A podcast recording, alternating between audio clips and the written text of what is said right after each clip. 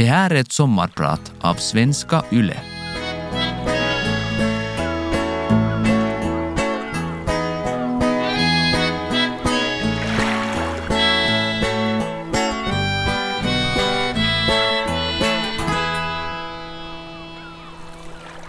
Nu får jag inte dö. Tanken slog mig då jag nyss blivit pappa. Jag körde ut ur tonåren i en lånad bil, min mammas Opel Astra, med ett underbart sött knippeliv på bara drygt två kilo i en bilbarnstol i baksätet. Jag var lyckligt omtumlad, även om sikten symboliskt sett var dålig. Jag kunde bara ana början på berg och dalbanan som väntade. Jag var på väg in i en tillvaro som studerande, arbetande, pendlande ung pappa med en liten rapkarriär på sidan om. Idag har det lilla livet som åkte i baksätet själv gått in i tonåren. Och jag har egen bil, fast jobb, bostadslån och ny familj. Jag har stigit av den vagn i livet som förde mig genom studier, flyttar, vattenläckage, skilsmässa, skivinspelningar, konserter, snuttjobb och pengaångest. Nu som då byter jag blöjor och gör hushållsarbete. Men rappandet har blivit politik, giggen har blivit möten, dikter har blivit insändare. Men det blir inte Svenssonliv här efter. Jag känner mig själv för bra för att kunna lura mig själv om den saken. Det kommer fortsätta gå undan. Man lever bara en gång och allt det där ni vet. Hellre himmel och helvete än en jämngrå tråkighet. Men hellre mer av det goda i livet än tvärtom. Därför tänker jag nu ägna tid åt tankar om föräldraskap, tankar om ansvar, tankar om livet. Tanken ”nu får jag inte dö” har bytts ut mot ”nu tänker jag leva”. Jag heter Johan Kvarnström och jag är din sommarpratare idag. På tal om den där lilla rapkarriären. Jag avslutade den med bland annat den här låten som heter Fragment av ett liv. En kronologisk och oförskönad berättelse om mitt livs första 30 år. Nu är det full rulle när jag kommer hem. Katarina ger mig en puss. Treåringen vill inte avbryta leken för middagen och skriker nej! Även om vi lite senare kommer att läsa godnattsagor hur mysigt som helst tillsammans. Ettåringen behöver ren blöja och avfyrar ett leende som smittar av sig och ger energi för uppgiften hur trött man än är. Elvaåringen har både musik och tv-spel på och berättar glatt något från skoldagen medan trettonåringen skickar ett meddelande med praktiska frågor om tider och skjutsar. Mat om en halvtimme, kom hem nu, svarar jag. Det blir en stunds virrvarr med kramar, matlagning, dukning, tömning av diskmaskin och prat i mun på varandra. Den kommer ändå den där stunden då vi alla sex sitter runt bordet. Då passar vi på att skåla, även om vi bara har vatten i glasen. Skål för idag. Skål för att vi alla är här. Kontrasten till min egen uppväxt är total. Jag var ensambarn med mamma, psykologen och författaren Birgit Kvarnström som enda vårdnadshavare. Vi var ett tvåpersoners hushåll. Jag trivdes bra för mig själv och kände mig inte ensam. Hemmet hade också gäster, mer som regel än undantag, och ju äldre jag blev, desto mer träffade jag vänner i en växande skara. En gång slog oron ändå till riktigt hårt. Jag stod vid vårt lilla köksbord som stod mot fönstret med rödrutig vaxduk och plats för tre personer och insåg att vi var bara två. Sju-åttaåringen blev rädd. Det här betyder ju att om mamma försvinner så är jag helt ensam. En skrämmande tanke. Men lika snabbt kom jag på den tröstande lösningen. Jag har ju moster. Om mamma skulle försvinna flyttar jag bara till henne. Den blå pyjamasen finns färdigt i nedersta lådan och med henne är jag nästan som hemma. Moster är min gudmor i ordets ursprungliga bemärkelse. Alltså den som skulle ta hand om en om ens vårdnadshavare gick bort. Tacksamheten är gränslös. Och att moster är moster utan biologiska band är någonting jag brukar tänka på i vår familj som nu sätts i facket ny familj eller bonusfamilj. Själv tänker jag på min härliga familj som kort och gott familj. Jag vet att blod kanske är tjockare än vatten, men kärlek är viktigare än blod. Jag känner nog ett band till min pappa. Han är en fin människa som har gjort mer gott än de flesta i denna värld. Många har hört eller läst om Kalle Augustssons hjälpresor. Jag har ändå bestämt att aldrig göra en Obama. Jag syftar på den forne presidentens bok Min far hade en dröm, där han följer upp den frånvarande faderns äventyr och bakgrund. För det är så att frånvarande fäder bär en lockelse. Det kan spela en spännande roll som den saknade pusselbiten. Eller så har det bara gjort så otroligt mycket spännande saker som passar till exempel i böcker just för att det inte har varit hemma och städat och lagat mat och skjutsat till fotbollsträningar tre gånger i veckan. Det är svårare att skriva eller göra spännande film om de vardagliga hjälteinsatserna. Om rutiner och trygghet. Ett av alla dessa citat på typ kylskåpsmagneter säger att hur mycket en människa bryr sig om en kan utläsas ur hur mycket tid hen ägnar dig. Det är förstås en sanning med modifikation. Många är till exempel frånvarande av tvång eller för att ordagrant rädda människoliv, vilket man inte ska klandras för. Jag ser ändå en stark koppling mellan närhet och kärlek. Och närhet är jag uppvuxen med. Närhet är grunden. Jag har inga planer på att skriva en roman, men om jag gjorde det så skulle den, oavsett vad den handlade om, bygga på mammas livsgrund. På den enkla livsregeln att barnbarn kommer först, sedan barn och sedan en själv. På en grund bestående av ett hem med böcker, gäster och mat. På den grund som min mammas farmor lade i hennes liv genom att vara en trygg punkt av närhet. Hennes farmor, som i 28 års ålder hade större bekymmer än jag vid köksbordet. Hon grät nämligen för att hon skickades iväg för en sommar för att barnvakta småbarn då hon själv bara var ett litet barn. Det var verkligen inte bättre förr. Men min mamma hade en trygghet i sin farmor, precis som mina barn nu också har i sin farmor. I den tryggheten har jag mitt föräldraskap, mitt ansvar. Jag var 21 år och nybliven tvåbarnsfar då jag hörde nyblivna pappan Matte från fjärde världen rappa raderna hur ska jag hitta rätt? Hur ska jag leta fram min papparoll? När i mitt liv så spelade aldrig papparoll. Raderna slog mig med den berömda stekpannan. Men det ingöt också vederkvickelse. För jag fattade ju direkt att jag själv inte sökte en papparoll. Jag hade den automatiskt.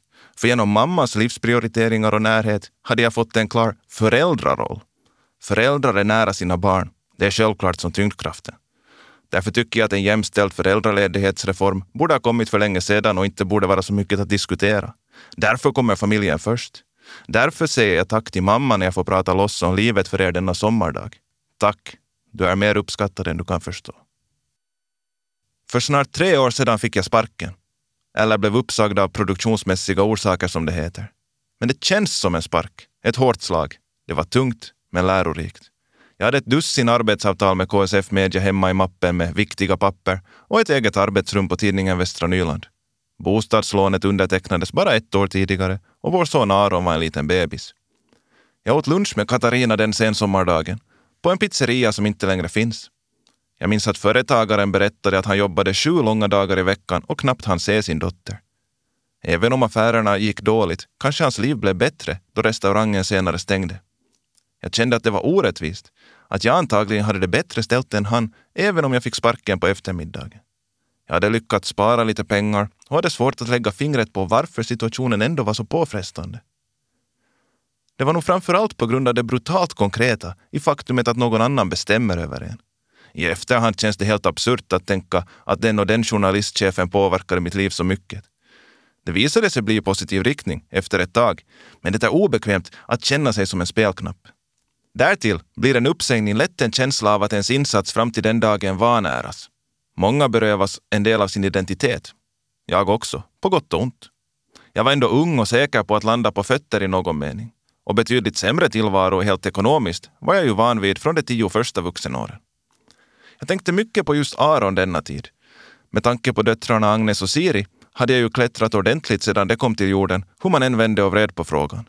Men med en större familj kände jag större ansvar och det känns alltid bättre att klättra än att falla. Då riktningen är uppåt känns det bättre oavsett nivån. Och så var det förstås något med Aron, det nya livet, tabula rasa, som påverkade mig känslomässigt. Jag bet ihop, fällde inte en tår i detta sammanhang, trots att jag annars kan gråta och visa känslor.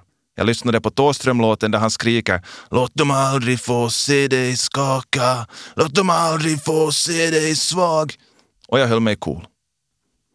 I vår kultur upplever jag ibland att män förväntas köpa större bil och jobba mer för att ställa mat på bordet då det blir pappor. Men kanske det borde vara tvärtom. Kanske vi borde tänka mindre materiellt och vara mer hemma just då. Hur som helst, att få sparken och knappt ha råd med servicen för min slitna Nissan Almera kändes inte så angenämt. Jag lyssnade på rådet i en annan favoritlåt, nämligen Heart Attack med Ugly Heroes. When everything is falling apart, take a second and go back to the start. När allt faller ihop, gå tillbaka till starten. Så jag gick några dagar i veckan till mitt påhittade jobb på mammas vind. Vindsrummet där hon sov som barn med sin farmor. Där skickade jag in ansökningar om jobb, spelade in min sista skiva och försökte utkristallisera ett skrivprojekt i röran av tecken som jag lämnade efter mig på Google Drive. Det som hade hänt fick mig att fundera på ansvar som förälder. Då flickorna var små tänkte jag att det inte behövs pengar utan endast kärlek och ansvar. Men ansvar och pengar hänger ihop vare sig vi vill det eller inte. Nu hade vi amorteringar, nu behövdes fler matkassar för att mätta alla. Och nu var ju tiden då drömmar skulle förverkligas, inte då det skulle gå i kras. Samtidigt rasade en debatt om KSF Medias uppsägningar. En debatt som spårade ur i frågan om papperstidning kontra digitalt material. En debatt jag fortsätter vara ganska tyst om eftersom jag var känslomässigt laddad och därför inte kan behandla den objektivt. Förutom ansvar för barnen kände jag också ett yrkesansvar. Det fanns frågor på hälft, uppföljningar som borde göras, trådar att nysta i som riskerade bli orörda utan mig. Bland annat asylpolitik och kulturfrågor hade jag rapporterat aktivt om det jag själv fick välja. Det fick jag göra några månader senare, då jag förlängde mitt personliga rekord i antalet visstidsanställningar. Denna gång blev det Hufvudstadsbladet, där jag stortrivdes med själva uppdraget. Äntligen hög nyhetströskel utan krav på lokal vinkling. Samtidigt var jag fast i det gamla hjulet som snuttjobbare. För snuttjobb fanns alltid. Fasta heltidsjobb fanns också, men inte för journalister. Så hände det. Jag stod i rulltrappan i Forums varuhus då Marianne Laxén ringde och sade grattis. Styrelsen har enhälligt valt dig till Arbetarbladets chefredaktör. Då slogs alla tårkanaler på samtidigt och jag grät av lättnad mitt i trängseln med ett leende på läpparna och med min familj i tankarna. Jag ringde Katarina, men hon hörde knappt vad jag sade. Jag visste inte ens att jag bar på ett sådant starkt tryck innan lättnaden kom. Klichén om att en stängd dörr innebär att en annan öppnas förverkligades. Kort därefter fick jag ett annat samtal som också påverkade mig mycket, även om det inte föranledde några känsloutbrott. Vill du ställa upp i kommunalvalet? frågade Hildur Bolt på Socialdemokraternas partibyrå. Det går inte, jag är journalist, sade jag, men intygades från flera berörda håll att det inte utgör något hinder på en partitidning. Betänketid? Tre timmar. Jag råkade vara tillbaka på mammas vindsrum just då. Mammas farmors rum, grunden till allting. Där spelade jag in en vers till en av mina sista låtar, sprang ner för trapporna och körde till Folkan i Eknäs och skrev namnet på ett papper. En underskrift som tog mig till fullmäktige, bildningsnämnd, planläggningsnämnd, Folktingets kultur och medieutskott och i år också till riksdagsvalet. Till en svår balansgång mellan samhällsansvar och familjeansvar. Till en kamp för inte bara de egna barnen, utan för att samhället i stort ska ge barnen så bra och jämlik start på livet som möjligt, även om det är krävande och politiken saknar mirakelmediciner. Det händer att motgångarna syns tydligare än framgångarna i livets backspegel. Det ger ändå stark inspiration då jag vet att vi flippat dem till någonting gott. Nu kör vi vidare, bara lite mer härdade och mycket mer tacksamma. Skärtorsdagen 1986 lär ha varit stormig. I varje fall blåste det hårt då den höggravida kvinnan i en av hyreslägenheterna vid den gamla så kallade Kasslersgården insåg att det är dags. Verkarna hade blivit så intensiva att det var dags att söka sig till förlossningsavdelningen vid sjukhuset i Eknäs. Hon promenerade ensam dit, pausade på vägen då verkarna så krävde. I efterhand tänker jag på hur stark hon var som alltid klarat allt själv, med lite hjälp från vänner. Hon, som poet och feminist, trodde hon väntade en Edith efter Edith Södergran. Men tio tiden på kvällen fick hon istället en Johan på nästan fem kilo. En Johan som i och för sig blev något av en poet med sina raptexter. Som skrev sin första dikt kort efter att han lärt sig läsa och skriva. Som fick jämställdhetstänkande med modersmjölken. En Johan Kvarnström som med tiden kom att bli han den där långa typen, två meter lång, journalist, rappare, politiker och är sommarpratare idag. Mitt rätta element är ändå skrivande framom pratandet. I musik lyssnar jag alltid på texten och kan inget annat. Lyriken står helt i fokus också i mina egna låtar. Ärligt talat brydde jag mig för lite om det övriga. Det där som många andra finner viktigast, hur det låter. Men en sak jag tycker om att uttryckligen prata om är hiphop, speciellt svensk hiphop. Det är så få som kan relatera här i Finland. Då jag får chansen griper jag den direkt. I vintras hade jag fullspäckat program, men då en person jag aldrig träffat tidigare frågade om jag hade tid med en kaffe för att snacka lite hiphop var det inget snack om saken. Vi ses på kafé tidigt nästa vardag innan jobbet. Bara för att få tala med någon som har samma referensram, som skrattar gott då han får höra att jag lyssnat på Fattarus-skivor så sent som helgen innan. Inte ens mina rappande vänner här är alltid på samma våglängd eller lika insatta. Med något undantag. Jag förklarar det i några rader jag skrev för ett antal år sedan. Jag älskar hiphop som en andra familj, en egen hemlig vän som alltid vandrar in till mig. Det är rytmen och rimmen, helt sinnessjukt starkt. Mitt knark, fastän det ger mig fast mark. När allting går bra och då allting är fucked up. Då jag står stadigt och såklart då jag vacklar. Firar seger eller slås ut med schackmatt. Är på toppen eller låg som en mattkant. Det räckte inte att höra vilken bra hiphop som helst för att falla för den här kulturen. Första gången jag hörde Cypress Hill och Wu-Tang Clan var jag 11-12 år och jag kände ingenting. Det kan inte förklaras med att jag inte var så bra på engelska. Jag lyssnade sönder Metallica, AC/DC och The Offspring. Nyckeln fanns i svenska språket. Då en ny klasskamrat från Sverige citerade några rader från låten Snubben med Latin Kings blev jag helt förtrollad. Hur kan någonting vara så coolt som rappring på svenska? Och sedan kom bomben. Petter släppte debutskivan Mitt sjätte sinne 98. Radion stod på i gymnastiksalen. Vi spelade så kallad kodboll då Radio Extrem spelade Vinden har vänt. Och då vände jag mig mot musiken. Blev träffad av bollen utan att bry mig. Gick fram till bandspelaren och slukade varje ord. Brinner för det här permanent. Aldrig för stunden naturligt bunden med kärlek som cement. Det bygger från grunden på allt skit som har hänt. Det är min tur nu. Vinden har vänt. Och då var det hänt. Då var jag frälst. Då började jag tänka i rim. Då började jag skriva egna texter. Kort därefter fattade jag storheten i amerikansk rap. Den skildrade också en äckligt rå värld. Lite för rå för en 13-åring egentligen. Men hemma i stereon pumpades “Here is something you can't understand, how I could just kill a man”. Mycket våld och sexism. Men också progressiva röster för de röstlösa, krafter för rättvisa och solidaritet. Jag blir numera helt ambivalent då jag hör skicklig och grymt skön hiphopmusik med idiotiskt innehåll. Jag älskar en del, avskyr en del. Jag vill ta avstånd från det jag är en del av med själ och hjärta. Jag vill påverka kulturen, men har lagt micken på hyllan eftersom dygnet har ett begränsat antal timmar och jag prioriterar min familj och måste sköta mina förtroendeuppdrag. Min familjebakgrund gav mig alla skäl att bli kär i hiphop. Där är det, eller var i varje fall, en kliché att mamman är stark och pappan frånvarande. Och så hade jag ju också fått poesin hemifrån. Rytm och poesi i förening med en stor dos attityd har hjälpt mig i livets alla hårda stunder. Hiphop handlar, för mig, om att slå ur underläge, om att flippa sina motgångar. Ett första sätt att göra det är att skildra dem osensurerat och ärligt. Mycket har ändrat inom hiphop sedan gyllene eran. En del sexism har bara blivit ännu värre. En del av våldet ännu grövre och soundet bara mer kommersiellt poppigt. Samtidigt vet jag idag på direkten ett par låtar i vilka manliga rappare också slår mot patriarkatet. Hiphop är en spegel och samhället har skäl att titta i den ibland. Det är inte alltid bekvämt, men det är rakt på sak. Det är tydligt. Tupac drog det till sin spets då han medvetet levde ut fördomen om thug life. Det är ändå hans djupa låtar som berör mig mest, inte de stenhårda disslåtarna. Hiphopkulturen är fylld av motsägelser och därför väldigt dynamisk. Samma rappare som går till attack mot andra över ljudmattor är det som talar om fred. Och ibland är det samma rappare som talar om att ligga runt och om att ta ansvar som förälder.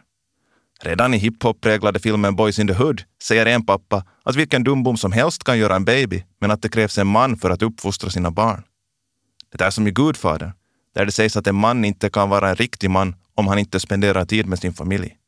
Jag säger att vi borde komma helt bort från att tänka i termer av vad som gör en till en riktig man. Det tänkesättet har ett tävlingsinslag och en problematisk karaktär av normtänkande, oavsett normens innehåll. Jag vill inte vara en riktig man. Jag vill vara en god människa, en bra pappa, en trygg förälder som råkar älska också hiphop. Som barnen uttryckte med glädje, pappa-rappa. Jag skrev en gång en låt som heter Till min bror. Den börjar så här. Det knackade på fönstret en sommarnatt så jag steg upp och kollade läget blev som what the fuck. Det var 2003, du saknade sovplatsproblem där hemma och allt var en gåta. Ja, så var det. Jag kikade ut från mitt pojkrum i Österby och släppte förvånad in en vän. Han var precis som jag, mitt i tonåren och han hade kommit till Finland som flykting som liten och just återförenats med en stor del av sin familj från Mellanöstern. Kulturkrocken var nu så stark att familjegrälen gjorde honom hemlös. Min mamma krävde en kort förklaring och inget mer. Sedan var det klart att han fick sova på madrass på golvet i mitt rum och äta med oss. Jag gav honom pengar till mat och även om jag sa att det inte var ett lån insisterade han att betala tillbaka senare. Låtens sista vers avslutas med raderna Det kunde gått värre med som fanns aggression vid ungdomsgården med en laddad pistol. Det gick ändå inte helt bra trots att pistolen lyckligtvis aldrig användes. Det blev fängelsestraff för andra saker. Jag skickade honom skivor med hiphop och en tidning med en intervju med vår gemensamma favorit Ken Ring till cellen. Han skickade mig tackbrev. Vi var bröder. Vi är bröder. Vi har hjälpt varandra i med och motvind. Det går inte att förklara. Det där som rapparen Blues säger på låten En vän. Även om det inte finns ett blodsband är vi förenade på denna jord av ödets hand. Min nämnda vän är en av flera flyktingar jag känner och den enda med kriminella drag. Alla är det helt olika, även om det ofta framställs som en homogen grupp i medierapporteringar om så kallade flyktingvågen och den massinvandring som det talas om, men som Finland ännu aldrig haft. Hiphopmusik är ofta bron som leder till vänskap över andra kulturgränser. Så var det också med fotokonstnären Ahmad Alalusi från Mosul. Dagen efter att jag och Katarina kom hem från Lojo BB med Aron åkte jag för två timmar till Eknäs filmfest och samtalade på scen med Ahmed. Han har hotats av IS, hans kollegor har mördats. Hans bror torterades för att berätta var Ahmed gömde sig innan de flydde Irak. Här i Finland var det som meningen att vi skulle göra någonting kreativt tillsammans. Jag hade orden och han hade kameran. På filmfesten premiärvisade vi Ahmeds musikvideo till min låt Allas lika värde. Vi hade inga pengar, men vi hade vilja. Vi nådde inte stora massor, men många har berättat att låten och videon berört dem djupt och det är vad som räknas. Musiken och lyriken kan göra skillnad. Det kan även journalistiken. Den kan som bäst lyfta fram både stora fenomen och människor bakom siffrorna. Jag har i förtroende fått ta del av många asylbeslut som får en att må illa. Det är någonting med den byråkratiska och respektlösa tonen som skär sig med min uppfattning om mänskliga rättigheter. I besluten läser jag att Migrationsverket tror på att den asylsökande blivit torterad, men, lägger till ett men, inte kan uppge vem som utförde tortyren eller vem som försköt familjens hus eller vem som försökte kidnappa dottern. Under min korta tid på Hufvudstadsbladet var det ett fall som stack ut bland alla horribla beslut. En ung kvinna med en dotter på under ett år som fötts i Finland, en kvinna som var gravid igen och gift med dotterns pappa som beviljats uppehållstillstånd, fick nekande beslut. Det är en katastrof i sig. Migrationsverket föreslår i beslutet att den unga kvinnan ska åka med sin dotter tillbaka till Irak, att dottern ändå är så liten att hon inte skadas av att skiljas från sin pappa. Fallet var enligt mig ännu galnare i och med att kvinnan i fråga borde ha beviljats asyl redan i och med kidnappningsförsök och beskjutningar av hemmet. Det värsta var ändå att barnet behandlades korthugget i ett par avfärdande meningar. Barnkonventionens anda lyste med sin frånvaro. Det överklagade beslutet och lever idag kvar i Finland. Det är allt jag vet. Mer sorgligt gick det för Ali. Han hade också ett, enligt min uppfattning, solklart fall för att beviljas asyl.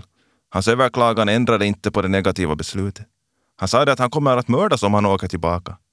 Finland sade att hans rädsla inte var objektivt befogad. Han åkte tillbaka och han dödades inom två veckor, vilket Yle rapporterade förtjänstfullt om. Journalistiken spelade en viktig roll för att skildra Finlands blodiga händer. Jag har läst lagen och finner den tydlig och etiskt hållbar. Men tolkningarna talar ett annat språk. Ett språk utan ansvar. Vi har i år kunnat läsa också om människohandelsoffer som fått beslut om avvisning.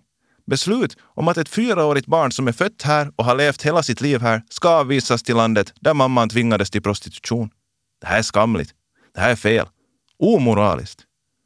Jag vågar inte ens tänka hur det skulle kännas som förälder i en liknande situation.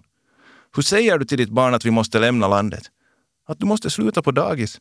Att människor bakom skrivbord har bestämt att vi måste flytta till ett land där jag känner rädsla? Frågor om flyktingar ställer frågor om föräldraskap och ansvar i ett annat ljus. Mina tankar om närvarande föräldraskap, om könsnormer med mera känns så futtiga då vi ställs inför frågor om liv och död. Det betyder förstås inte att de är oviktiga. Vi har ett konstant och stort arbete att utföra, bland annat för mer jämställdhet. Det första vi har skyldighet att se till är ändå att ingen skickas till otrygghet eller död, att inget barn far illa. Det är extra illa att kvinnor och barn avvisas eftersom vi nu är i den situationen att unga män är överrepresenterade bland asylsökande. Det leder till en stereotypisk bild av invandrare. Det förstärker bilden av att alla är likadana, vilket inte stämmer. Varken då någon av dem står för hjältemod eller då någon av dem begår brott. Överlag tror jag mycket på att umgås över både kultur, klass och åldersgränser. Att röra sig i bubblor med likasinnade i samma livssituation och ålder skapar spänningar gentemot andra bubblor. Vi behöver möta människor och höra deras berättelser. Vi måste göra vad vi kan för att hålla liv i den enkla grundregeln om allas lika värde. Jag har inte kunnat göra mycket, men jag har gjort det lilla jag kunnat som artist, som journalist och som politiker och tänker fortsätta med det. Det handlar om att säga ett namn, få fram en bild. Sedan kan vi förhålla oss mer moraliskt till mönstren som framträder genom alla berättelser. Ensamhet är ett stort problem i Finland. Ett utbrett och ledsamt fenomen. Samtidigt är vi många föräldrar som saknar stunder då man får vara för sig själv i lugn och ro, samla sina tankar och koppla av. Eller så saknar vi, kärleksparet, tid att vara på tumis. Det är okej, okay, det hör till, men obalansen förefaller öka. En del har för mycket tid för sig själva, så mycket att den fylls av saknad efter sällskap.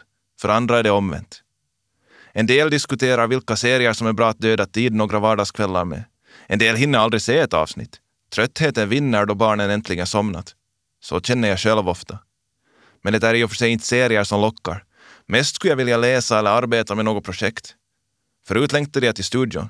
Nu är det politiken som pockar på uppmärksamhet.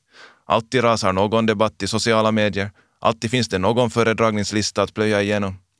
Under riksdagsvalet fanns det alltid ett förråd med kampanjarbete som aldrig tog slut. Nu kan någon säga att småbarnstiden är kort. Det stämmer inte alltid. Då min yngsta son Adrian går ut förskolan kommer jag att ha varit vårdnadshavare för barn under skolålder i över 15 år. Och då kommer jag inte ens att ha fyllt 40 år. Det är ingenting flyktigt. Det är någonting som präglar mitt vuxna liv. Familjelivet har sakta men säkert gjort mig bättre på att våga be om hjälp. Tanken om att en ska klara sig själv sitter djupt, men den är inte alltid sund. Om jag vore ännu bättre på att be om avlastning ibland skulle jag inte behöva skämmas för de gånger jag tappat behärskningen och skrikit som en idiot. Eller för den gång då jag kastade en mugg med kaffe i väggen som ett tragiskt rop på hjälp. Och då är vi i en lyckligt lottad situation. Vi får hjälp av barnens mor och farföräldrar. Vi har varandra, vi stöttar varandra. Jag tänker på de som är ensamma med många barn utan hjälp. Om jag såg svart en gång i dessa omständigheter, hur klarar de av allting som vilar, eller rättare sagt springer runt på deras axlar? Vad kan vi göra för att jämna ut obalansen? Jag vet inte, men jag väcker gärna frågan. Lösningar torde ha stöd i det afrikanska ordspråket om att det krävs en hel by för att uppfostra ett barn. Idag har för många barn bara en hyddas uppfostran. Övriga världen kommer på besök via en liten skärm, ofta snävt vinklad. Vi må akta oss för att bli inrutade. Akta oss för att vinna individuell frihet till priset av förlorad gemenskap. Vi vinner mest på att våga fråga, våga ifrågasätta. Det är så mycket vi inte ser för att vi är så vana med det. Det börjar redan när vi är små. Då jag besökt skolor och talat om jämställdhet har jag haft med mig mina barns första sångbok som exempel på hur vi växer upp med tydliga könsroller. Den börjar med Var bor du lilla råtta? Där det är frun som står vid spisen medan mannen i huset äter korv. Sedan är det rövarnas letarvisa och rövarna är förstås män. Krokodilen i bilen är förstås en han. Jag vill ha blommig falukorv, säger man förstås till mamma. Bä, bä, vita lamm har sina stereotypiska klädesplagg till mor och far och så där fortsätter det. Givetvis beror det på att visorna är från en annan tid. Lika självklart är det att kulturella traditioner inte ändras över en natt. Och jag sjunger som sagt dessa visor för mina barn, men kompletterar med nyare och modernare. Detsamma gäller med böcker. Vi följer gärna med Elsa Beskows förnäma damer på äventyr då vi läser godnatt. Men vi läser också om kvinnor som kör lastbil. Det handlar inte bara om vad vi läser, utan hur, med vilken inställning, i vilken helhet. Målsättningen måste vara ett öppet sinne och ett kritiskt tänkande. Det är en kontinuerlig process, ett arbete som inte kan ta slut. Det ingår i den moraliska eviga kampen med frågor om vad det innebär att leva tillsammans. I den kampen är kritiskt och fördomsfritt tänkande det bästa att vara utrustad med. Då vi gör upp med mansrollen, som präntades in i oss genom filmer och musik under vår uppväxt, slagsmålen på skolgården och i den ständiga kukmätartävling som vår kultur präglas av, ja då kan vi avblåsa mandomstesten och fokusera mer på att vara goda medmänniskor än män och kvinnor enligt normer och trender. Jag heter Johan Kvarnström och jag säger tack för att jag har fått sommarprata och tack för att du har lyssnat. Ha det bra, för nu blir det bättre.